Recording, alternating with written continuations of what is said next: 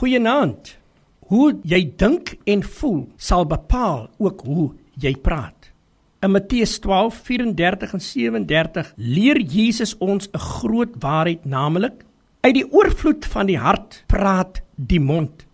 Maar ek sê vir julle dat van julle elke ydelle woord wat die mense praat, daarvan sal hulle moet gaan rekenskap gee in oordeelsdag. Want uit jou woorde sal jy geregverdig word en uit jou woorde sal jy veroordeel word. Die boodskap sê As jy luister na wat iemand sê, sal jy agterkom of sy gesindheid reg is en hy van binne skoon is. Wat jy sê is dis verskriklik belangrik. Immers op grond van wat jy sê, sal God besluit of jou saak met hom reg is of nie. Het jy al opgelet dat die woord gesindheid hier gebruik word? Dit kan nie duidelik gestel word nie. Die oomblik as iemand praat, sal ons hoor watter tipe gesindheid daar in hulle hart is en of hulle van binne skoon is. Daarom is dit vanaand belangrik dat my en u se gesindheid ook met wat by ons monde uitkom moet reg wees.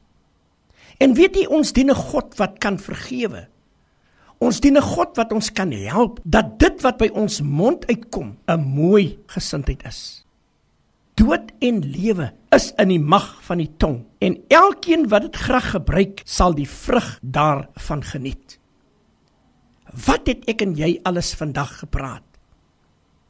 Van wie het ons in hierdie dag gepraat?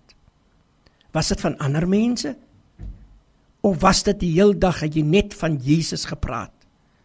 Ek bid in hierdie aand dat God ons moet genadig wees.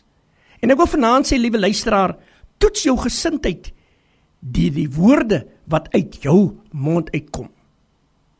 Verder het Jesus gesê in Matteus 15: Nie wat by die mond ingaan maak die mens onrein nie, maar wat uit die mond uitgaan, dit maak die mens onrein.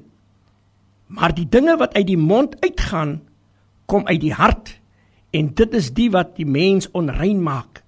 Want uit die hart kom daar slegte gedagtes, moord, egbreek, hoerery, diewery, valse getuienis, lastertaal.